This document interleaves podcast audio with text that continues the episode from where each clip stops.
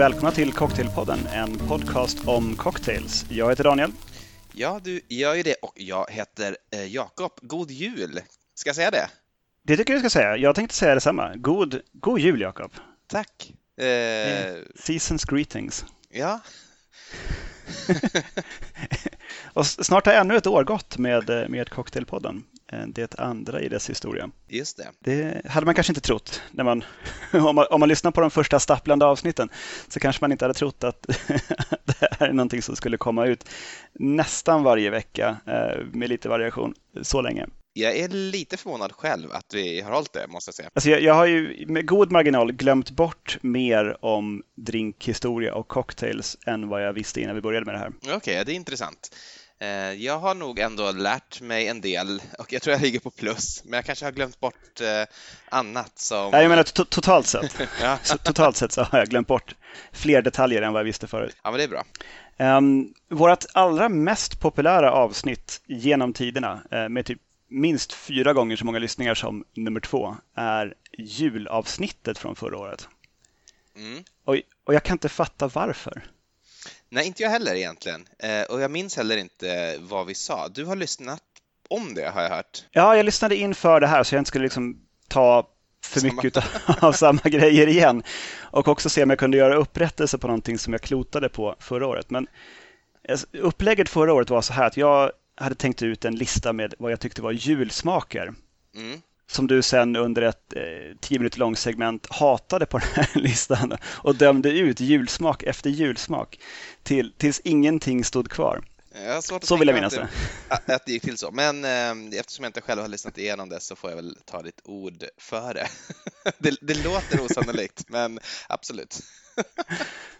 Ja, men, eh, ja så- så, upplevde jag i alla fall när jag lyssnade på det. Ja, men vad sa du då? Typ så här kyckling, kycklingsfett? Eller liksom, Nej, men jag sa väl för- typ, jag sa polkagris och det tror jag är den som fick mest hat. För att Ja, okej. I ditt huvud kunde polkagris inte vara någonting annat än en sommarsmak i och med att du som barn en gång besökte Gränna på sommaren. Ja, men det, är väl det, det var väl det jag tänker mig som var eh, vitsen med den här listan. Alltså, det är väl inte ett facit, utan det är väl våra personliga eh, associationer. Annars, annars kan man bara vända sig till Google.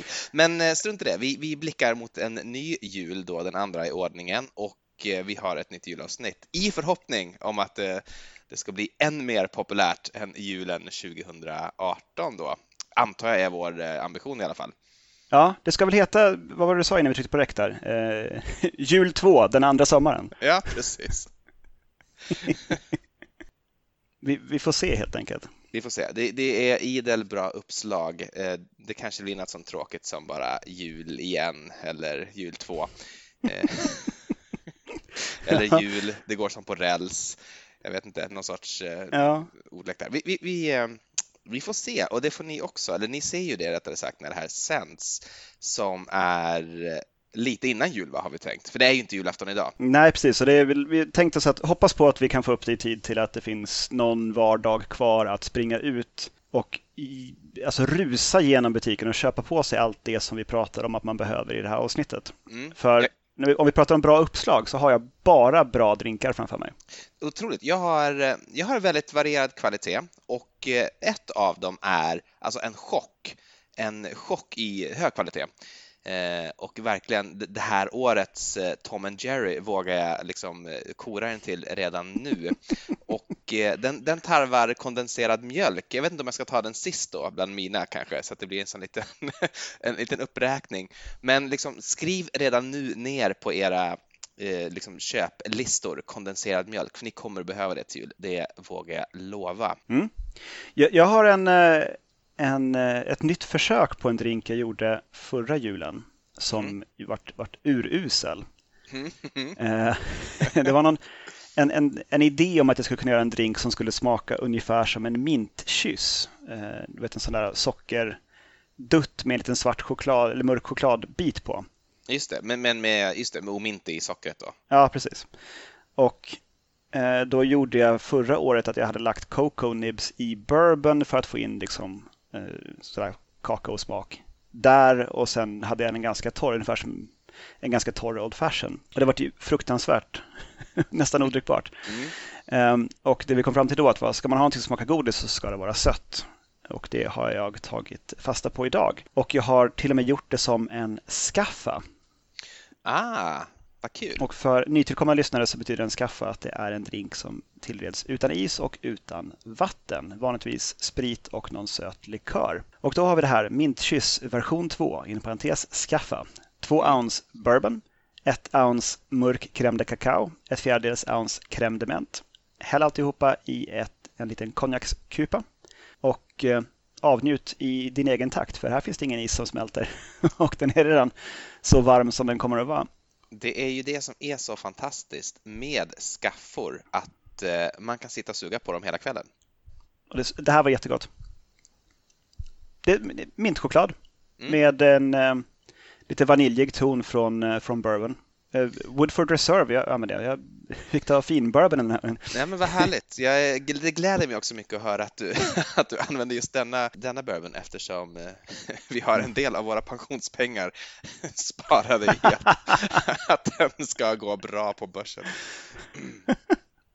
Okej. Okay. Ja. Ja, det, jag tänkte faktiskt inte nödvändigtvis på din pension, Jakob, när jag redde till den här. Eh, men, men jag, jag, är glad att jag kan hjälpa dig eh, på din, din åldershöst. Men den är väldigt god. Jag tycker faktiskt, det säger jag då inte nu bara för att vi har aktier i företaget, utan det är en jätte, jättebra bourbon som är en lite så här bananästrig nästan, om jag minns rätt. Nu har jag ingen flaska hemma så jag kan kontrollera att jag gör det, men så, så vill jag minnas från när jag haft tidigare. Det är inget jag riktigt har tänkt på att det skulle vara bananigt. Jag, jag måste hugga en, två drinkar i ganska tät, snabb följd här, men du kanske kan ta någonting emellan? Eh, ja, jag kan väl berätta lite grann om mitt tema. Så, så här, eh, inför det här avsnittet så hade jag ju inte inte förberett någonting alls och tänkte att vi kan inte spela in idag överhuvudtaget för jag har, jag har ingenting att komma med. Jag har inga uppslag och jag är också trött och vill ta en lur. jag vill absolut inte börja liksom plugga. Där har ni alltså, det, det kommer bli ett klockrent avsnitt. Men, men sen när jag eh, funderade lite grann så tänkte jag, liksom, vad, vad, är the spirit of Christmas? Jo, men det är ju på något sätt utschasade kvinnor och män då, kanske framförallt kvinnor visserligen, eh, men, men, som i sista stund ändå liksom får ihop någonting och, eh, och, och ler och håller god min under julen för att sedan liksom vara bittra resten av året. Så att jag tänkte att det ska jag också göra. Så att jag, jag öppnade upp datorn och började googla runt och eh, det jag började googla runt på var vad fan dricker man egentligen i andra länder? hur, hur firar man jul i Polen? Hur firar man jul i Tyskland, Frankrike, Chile, USA och så vidare?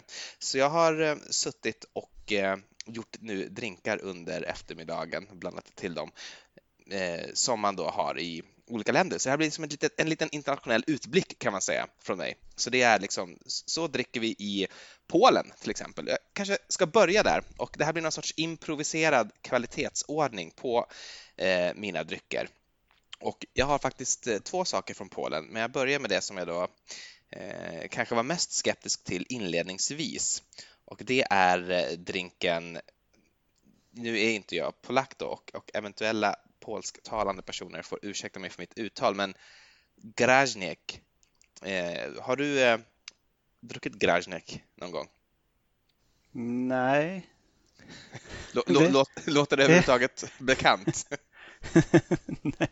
Alltså när vi var i Polen så fick vi någon, någon varm grej på någon utemarknad, en julmarknad. Mm.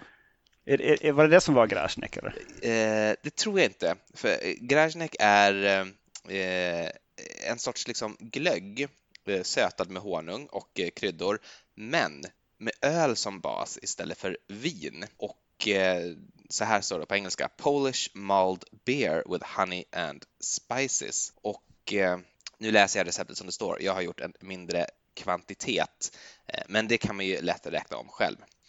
660 milliliter av kvalitetsöl Eftersom det är söndag när vi spelar in så kunde jag inte springa ner till bolaget utan till den lokala ICA-affären, men fick tag på en flaska tjeckisk lager av alkoholhalt 3,5. Eh, så det använde jag då. Eh, sex eh, teskedar med honung, förlåt, sex matskedar med honung, två matskedar vatten, en kanelstång, en halv Eh, tesked med ingefärspulver eller lite färsk ingefära och där hade jag färsk ingefära hemma så att jag använde det. Eh, sen en eh, tesked med hela eh, sådana nejlikor och en liten nypa med muskot. Och eh, så här gör man. Man häller i en eh, panna eller kastrull honung, vatten, kryddor och det här låter man koka upp till sjudpunkten och liksom få sjuda tills vattnet har skjutit bort så att det ska liksom långsamt, långsamt eh, evaporera då. Eh, när man har gjort det så ska man börja hälla i ölen och det ska man också göra i en långsam takt och ölen ska aldrig börja koka men den ska hela tiden liksom hållas varm. Till slut har man då tömt hela flaskan eller alla sina flaskor beroende på hur många man använder. Då ska man sila det här och hälla till ett lämpligt glas och eh, detta dricks sedan under stort nöje med eh, salta små kringlor som tilltugg. Några salta kringlor har jag tyvärr inte, men jag har här i då varm kryddad honungssötad ljuslager. Och eh, eh, du, eh, du tog ju tillbaka varm öls ära lite grann i vårt avsnitt som heter ungdomssynder. Ja. jag skulle vilja, jag skulle vilja göra det motsatta nu. Riva upp det domslutet. ja, för det här är verkligen eh, vastly inferior till, till glögg eller glühwein. Det... Jo, men Jakob, du måste ju testa att göra den igen på Åbro 7,2. Ja, det kan... Där vi har det. Det här påminner ju allra, allra mest om om man badar bastu och så sitter man liksom under lång tid och sippar på en öl och så kanske man ställer ifrån sig ölen och går ut i bastun, tar ett dopp, går in igen och så tar man en sipp till och då är det liksom en halv deciliter kvar i burken bara och den är nu rejält varm. Och dessutom så har all kolsyra försvunnit och så är det här också. Det är varm flat öl och eh, det är faktiskt det är riktigt, riktigt dåligt. Men du kanske måste ha mera kryddning då, mera, jag vet inte vad. Mm. Eh, om man, men det, det låter som en, en, kul och bra idé, tycker jag. Ändå. Mm. Och är man ett land som dricker mycket öl så absolut, men kanske hade funkat bättre med en riktigt mörk öl. Jag tänker det också och det hade ju varit min, eh, liksom, jag tänk, funderade på om jag skulle ta Carnegie Porter eller någonting sånt där eller kanske en Guinness som man också kan köpa som 3-5 år. Men på bilden eh, som illustrerar det här receptet så är det helt klart en ljus öl och jag gissar en ljus lager. Mm. Och av det skälet så tog jag också en ljus lager. Men jag tror verkligen att du har rätt i att det kan bli en ganska bra dryck om man använder en liksom inte så bitter mörk en, en, en obitter mörk lager eller ännu hellre en obitter mörk eh, stout eller porter. Eh, ja, någonting som är lite sött, lite, mm. lite egen sötma i sig. Jag tänker mig att det här med att, att värma öl och krydda och så har det måste vara äldre än man kunde göra lageröl, tänker jag. Ja, rimligen. Helt rätt. Och serverat i lerkrus då istället, i och med att det inte var så vackert att se på. jag tror att man kanske till och med har druckit öl företrädelsevis varm, liksom historiskt. På den tiden då öl och gröt var ungefär samma, samma, samma konsistens. produkt. Ja. och ungefär liksom. det, det ena kanske man gjorde direkt på kornen och det andra liksom på malten, men, men, men ungefär samma produkt. Eh, jag har, jag har, en sak till från Polen. Jag kan väl ta den på en gång så har jag liksom eh, så har jag gjort Polen då och eh, det här tycker jag var en liten trevligare idé. Eh, kallas för eh, nalewka och eh, det är inte så konstigt som man tror då när man hör det här utländska namnet, utan det är egentligen bara likör som man har gjort själv. Och Eh, det tar ju väldigt lång tid så att du kan säkert ana att det inte liksom började från början gå ut och leta bär eller frukt och, och göra likör på.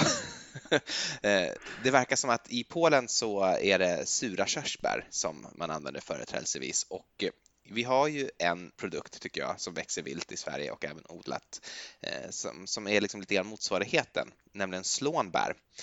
Slånbär har vi pratat om så många gånger och jag har inte uppmanat lyssnarna i år att de ska ut och plocka slånbär och göra slånbärslikör, men jag räknar med att alla har gjort det ändå för att vi pratade så mycket om det förra året. Eh, och jag tror att nu så här till jul så börjar nog den här slånbärslikören bli klar. Och eh, varför inte hälla upp ett glas och kalla det för nalevka?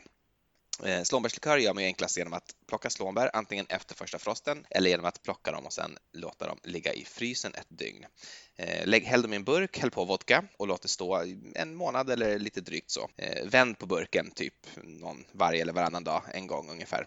Häll bort eh, då vätskan, det vill säga vodkan, och sila den, finsila den så att det liksom inte är lite, inte skräp och så kvar och häll sen socker i burken där bären fortfarande ligger kvar men liksom ingen vätska. Eh, sockret kommer att dra ut den sista vätskan ur bären och skapa ett sorts alkoholhaltigt, väldigt sött, väldigt fläderbärssmakande sockerlag. Eh, Slå, det... Slånbär? Ja, slånbär, förlåt, vad sa jag?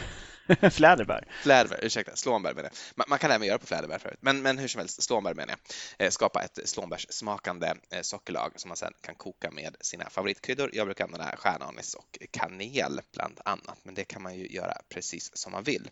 Eh, sen så blandar man det med eh, den liksom avhällda då, eh, slånbärssmakande spriten och då har man en slånbärslikör. Och det är ungefär på exakt det här sättet som nal nalevka görs också. Så att jag har helt enkelt bara hällt upp ett litet glas slånbärslikör här och eh, vad kan man säga, Nastrovia, det är Ryssland kanske, men eh, tänker man att det är något liknande i Polen, så skål! skål på det Jakob! Ja, gott är det alltså. Gud vad gott det är. Men likörer är ju, och speciellt bärlikörer, är ju väldigt njutigt i liten mängd. Mm. Om man liksom dricker som någons gammelmormor drack likör, då är det ju väldigt njutigt. Verkligen. Jag kan verkligen se det här till liksom efterrätten till julbordet eller kanske liksom till och med till någon sorts här vickning fast istället för något eh, salt och gott så äter man typ choklad. Ja, alltså typ bredvid chokladasken liksom. Mm. Som väl ändå är allestädes närvarande kring jul.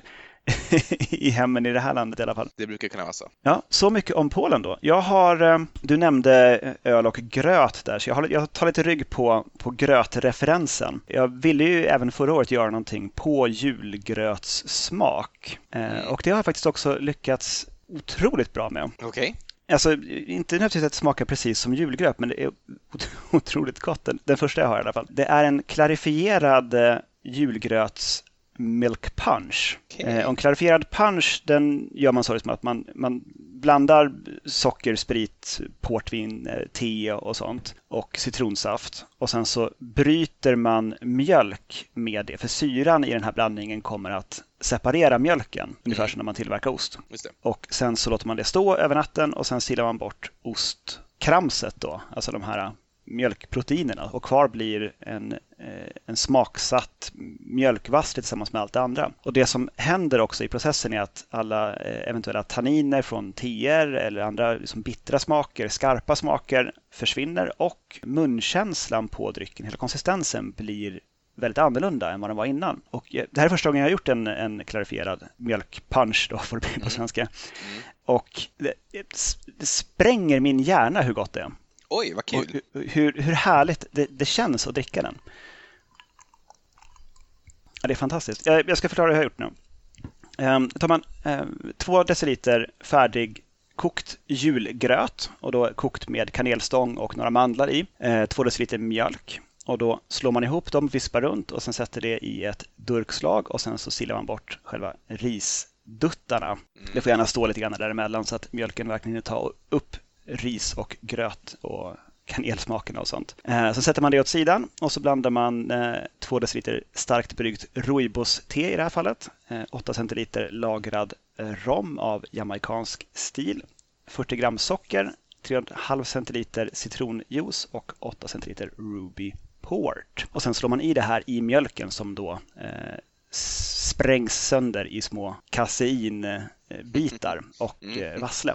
Och sen får det stå under natten då och sen så silar man av. Eh, den blir inte helt riktigt så klar som den ska bli. En milk punch ska ju vara helt och hållet genomskinlig. Eh, fascinerande är att rooibos-teet var ju väldigt rött och gjorde alltihopa knallrött, men det har också försvunnit in i kaseinet som silades bort. Men det har lite rosa, rosa ton. Ja, den är lite blekrosa så. Och lite av ett dis fortfarande i, så det tror jag kan bero på stärkelsen från riset faktiskt. Just det, det verkar troligt. Så att, eh, hade jag gjort den igen så hade jag nog skippat kanske ris, risgrötsteget och egentligen bara kokat mjölk med kanel och mandel och fått ur den typen av smak så för att få den helt klar. Mm. Serveras eh, på is i ett rocksglas och är totalt jävla underbart. Fantastiskt, vilken innovationskraft. Mm. Alltså, jag skulle kunna halsa i med det här. Gör det, säger jag. Alltså, Halsa i det. Det känns som en, som, som en sportdryck och jag var 14 år gammal. Ja, du förstår. Sen har jag direkt på den då, för jag hade kvar utav um, den här uh, själva mjölken som hade varit i gröten. Jag tänkte att det borde jag kunna göra någonting mer utav. Så då har jag gjort en julgrötsmjölkstoddy, Eh, en varm toddy då. Mm. Så det är 3 ounce julgrötsmjölk, 1 ounce konjak, ett halvt ounce 2-1 råsockersirap, ett kryddmått mald kanel. Det här kombinerar man i en kastrull och värmer upp så att det börjar ryka och sen häller man upp det i kopp. Och det här smakar det smakar som om man hade druckit den här söta kaneliga mjölken som ligger intill gröten. Men det också är en, en värmande spritdryck. Liksom. Det låter ju som uh, den perfekta julen right there. Mm. Sim, simmigt sött, men med tillräckligt mycket styrka i bak så att det inte, inte känns jolmigt. Mm. Ja, jag är supernöjd. Jag tycker att julgrötsprojektet har slagit mycket väl ut. Mycket bra. Fantastiskt. Eh, jag, jag, kan, jag flyger vidare ut över världen då och eh, jag kan väl berätta några, några nedslag som liksom inte då riktigt vann mitt hjärta eh, och som jag därför inte har blandat till, men jag kan berätta om dem i alla fall. Jag började med att titta lite grann eh, hur vi, vad de gör eh, precis söder om gränsen i Danmark och där har de ju glögg precis som hos oss, men vitvinsglögg verkar vara liksom grejen där, åtminstone om man får tro internet. Ehm, det gjorde mig lite besviken. Jag tycker att vi har ju vant oss vid att Danmark är lite som oss, fast bättre på allt. Men här är det ju sämre än, än vad vi har. Så att, eh, För du tycker det... att vitvinsglögg är sämre? Eller? Ja, definitivt. Det är mycket sämre naturligtvis. Eh, jag har inte riktigt lika starka känslor om vitvinsglögg. Okej. ja, eh, det är min åsikt i alla fall och mm -hmm. det är den som, som vi kommer att, som, vi, som vi kommer att liksom lansera i podden. Då. I, eh, I Frankrike så verkar det som att man dricker samma sak som man gör alltid, fast liksom bara bättre. Att man, man tar fram krygen liksom. Mm. Eh, och, eh, och, de... och det vann inte ditt hjärta, Jakob? Vad sa du? Hur, hur kunde att ta fram krygen inte vinna ditt hjärta? Jo, men det, nej, det är sant, det gjorde det. Det var att jag inte hade någon krig hemma. Eh, och jag föreslog då lite sådär halvt på skämt, halvt på allvar att vi kanske ska öppna champagne för podden.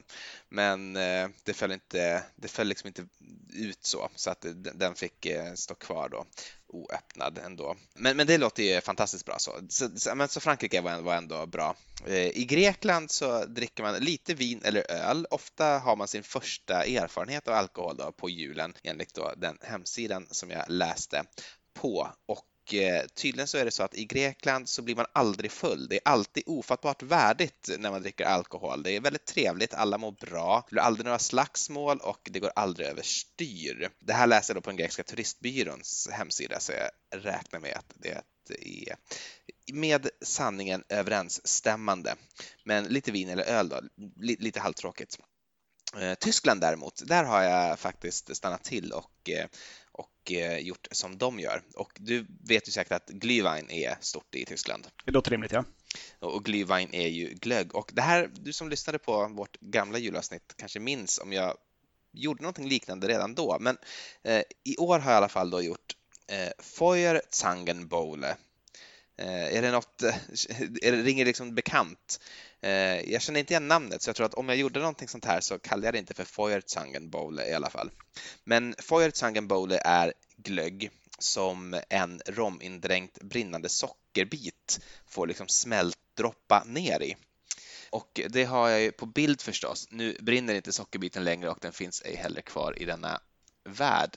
Men eh, liksom resultatet, den, den glögg som det brinnande sockret har fått droppa ner i har jag här och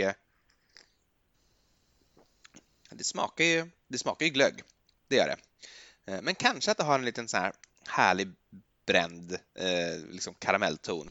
Det kan också vara helt och hållet inbildning, men regardless så är ju glögg är ju bra och rödvinsglögg som du säger dessutom. Mm. inge, I enlighet med inget danskt larv. Cocktailpodden-doktrinen. Eh, förra året så nämnde du, du läste ur en svensk receptbok som tyckte var väldigt rolig. Eh, där det var någon form av bränna sin egen glögg-grej. Mm, som låter snarlikt ändå till eh, Foyer Zangenbåle. Ja, bra att du kommer ihåg. Jag trodde inte du skulle komma ihåg namnet, men det är imponerande av. Foyer Zangenbåle. okay. Uh, har du mer på Tyskland eller? Uh, nej, det var allt på Tyskland. Okay. Uh, då har jag en, en drink som tar avstamp i Aladdin-askan och eh, en av de ganska seglivade chokladpralinerna där i som ändå ofta är bland de sista att bli uppätna.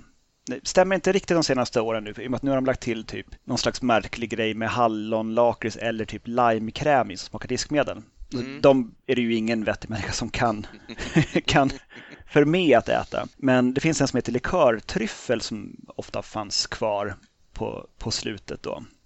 Jag kan hålla upp det, du ser. Det är den där som ser ut sådär lite grann. Ja, som en det. fyrkant fast lite avsmalnande mot ena kanten. Finns både i paradisasken och i asken men med olika färg på chokladen. Så att här har jag gjort en drink som jag då kallar för All Last In, i och med att det är den sista mm. kvar. Mm. Mm, Fyndigt värre. Eh, det är en, eh, en White Russian-liknande drink. Så du har ett och ett halvt ounce med konjak, ett halvt ounce Frangelico som är en hasselnötslikör och sen ett ounce av chokladpralinsgrädde. Och den gör du då genom att du mikrar eller värmer eh, grädde på spisen och dönar i några stycken, det är inte så noga, utav de här eh, oönskade eh, pralinerna. Mm. Och sen får de smälta ut i grädden och sen så använder du det i drinken. Och här bygger du bara över is i ett glas på enklast möjliga vis. Himmelskt. Kan tänka mig det. Eh, någon sorts liksom konjakstryffel. Eh, ja, och hasselnötsgrejen går igenom ja, väldigt tydligt också. Mm. Ja, det är fantastiskt. Jättegott. Alltså nu som, som vuxen så gillar jag ju de här likörtryfflarna i och för sig. Men det är ändå mot slutet av Allan Askens levnad som jag tar mig an dem. Det är inte det första jag hugger. Nej, men det är, du är inte så då att du sparar det bästa till sist. Men det kanske man inte gör i sånt som är liksom delat. Då kanske de bästa nej, det, går nej, nej, det gör det verkligen inte. Och speciellt om du vuxit upp med syskon så kan du inte spara grädd... Eh, vad heter den? Gräddnogaten till exempel. Eh, vilket egentligen inte är kanske den godaste, men den har roligast dekor på sig. Jag var ju i den lyckliga eh, omständigheten att jag tyckte om praliner som inte mina andra liksom, kollegor i familjen, eller familjemedlemmar kanske man säger, tyckte om. Då. det brukar vara det vanligare uttrycket, ja. Till exempel den här eh, som hade alltså någon sorts körsbärslikör i, inom ett liksom, chokladskal. Eh, min mamma tyckte om den visserligen också, så att vi liksom slogs om dem, men då fanns det ju ofta två så då kunde man liksom få en varsin. Även trippelnöt gillade jag mycket och den har jag förstått i efterhand är allmänt ansedd som en av de sämre pralinerna, men det är svårt att förstå. Nej, jag gillade också trippelnöt. Eh, det var ju alltid lite av ett lotteri, för någon gång ibland så fick man ju en, en dålig hasselnöt i de där. Mm, ja, det är sant. så det var lite spännande också, som eh, eh julroulette. Höga insatser. Eh, Verkligen. Ska jag fortsätta min resa eh, över världen? Jag väntar med spänning på nästa anhalt. Mm, eh, nu eh, har jag, eh, jag, jag, tycker mig ha täckt egentligen hela Europa. Jag har varit i Östeuropa, Centraleuropa, Skandinavien och, och även nere i syd. Eh, så att jag tar eh, liksom Greta Thunberg båten över Atlanten och anländer i USA. Och där, jag tror inte du kommer bli så förvånad över vad jag har från Amerika. För det finns ju en en, en, en, en juldryck som jag tycker återkommer igen och igen och igen i populärkulturen, nämligen eggnog. Mm. Eh, så det har jag gjort och eh, för något år sedan, jag tror att det var faktiskt precis när vi hade skaffat boken Diffords Guide, eh, så tänkte vi att vi skulle göra äggnog och då gjorde vi den heta varianten. Det har varit alldeles fruktansvärt. Vi måste också ha gjort den fel för den har varit grynig och äcklig. Som en omelett? Ja, fullkomligt odrickbar. och sen dess så har vi liksom spottat tre gånger varje gång vi hört någon nämna ordet äggnog. Men jag tänkte att det kanske är dags ändå att, att, att återta den här drycken på något sätt. Men nu gjorde jag den kalla varianten då. Även den hämtad från Diffords guide för övrigt. Men i den kall äggnog enligt Difford så ska det vara eh, 2,5 ounce med konjak, ett halvt ounce med eh, sockerlag, ett helt ägg, halvt ounce med grädde och två ounce med mjölk. Och det här ska skakas på is och som alltid när man har ett helt ägg så får man ju skaka riktigt, riktigt ordentligt. Framförallt om man inte gör en sån dry shake eller reversed dry shake. Men när det här har skakats i ja, en minut typ kanske, eller lite drygt till och med, så ska man hälla den i ett lämpligt glas, till exempel ett Collinsglas fyllt med is och sen slutligen strö över, eller rättare sagt riva över lite muskot. Och eh, jag har den här, den har börjat eh, smälta lite grann då, men Alltså det är inte fantastiskt, men det är ju vida överlägset den, den gryniga, heta äggnog som vi gjorde då för några år sedan. Jag har, faktiskt, jag har faktiskt aldrig provat äggnog eh, och då har jag ändå levt med populärkulturens ständiga prat om äggnog. Mm. Och dessutom, den kommer ju alltid typ ur, det är aldrig någon som gör äggnog i populärkulturen. Det finns ju alltid i en tetra-lösning ja. i kylen. Det finns ju en, en holländsk likör som heter Advokat. Mm, den är eh, väldigt, väldigt krämig. Alltså nästan så typ, den äter man nästan med sked som en efterrätt. Mm. Men, men, är, den, är det, den, den, är väl äggbaserad? Jag har faktiskt en flaska i kylen, jag skulle kunna eh, plocka fram den, men jag vet inte riktigt om det är mm. lönt. Men är det något Nej, men det, gör... det är ägg och uh, brandy och socker.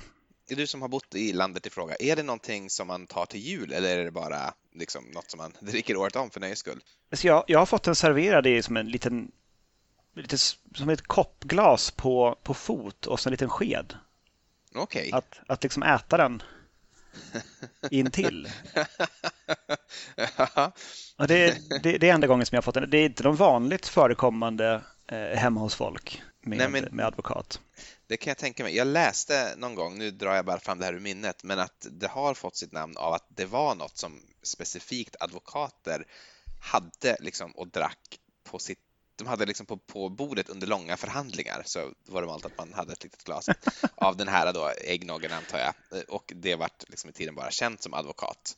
Eh, jag gissar från början typ advokat Treinken eller vad det kan heta på holländska. Det där kan du säkert bättre, men i slutändan bara förkortat till advokat. Jag, tycker, jag, jag har också hört den där, men jag tycker det känns så osannolikt att det skulle vara därför. Jag tänker att det, är säkert någon som har hetat advokat som har börjat med det här. Jag vet inte. Jag tror att det är förlorat i historiens, historiens dunkel. Mm. Och där tycker jag det kan få vara kvar. Det låter väl rimligt. Jag har en sak kvar. Har du mycket kvar? Jag har, eh, jag har två saker kvar. Ska jag ta en emellan här då? Gör det. Jag, eh, jag vet inte om jag hade det på listan förra året, men en sak som jag ofta ser fram emot inför den här årstiden och som jag också äter väldigt mycket av just kring jul eh, för att det alltid finns, är sådana här lättskalade små clementiner. Mm. Sådana citrusfrukter som, ja, du vet de där pyttesmå, så står det typ ofta Marock på ett litet klistermärke. Då vet man att de är bra liksom. Så att det vill jag göra en, en drink specifikt på och också få med den här liksom citrusiga zesten. Så då har jag eh, gjort en Clementin. Och varför betoningen ligger där, det ska du snart bli varse. Eh, för då har du två ounce Clement vit agrikolrom. Och då blir det Clementin förstås. Ja. Och sen ett halvt ounce med eh, vanlig simple syrup. Ett fjärdedels ounce limejuice Eh, som du kan strunta i om du har väldigt syrliga clementiner. Men jag behövde det för att de har legat i en skål ett tag. Och så skär du då clementinen i bitar med skalet kvar och muddlar den i botten på ett rocksglas tillsammans med rom, lime och socker. Och så rör du om i det och häller på krossad is ända upp. Lite grann som en, eh, som en caipirinha. Mm. Den smakar ju precis som som de här små citrusfrukterna gör. Ja, För du får ju med verkligen hela upplevelsen av, av de frukterna i drinken. Och eh, att det är Clement eh, vita agrikola, det är inte bara för att det skulle bli ett roligt namn.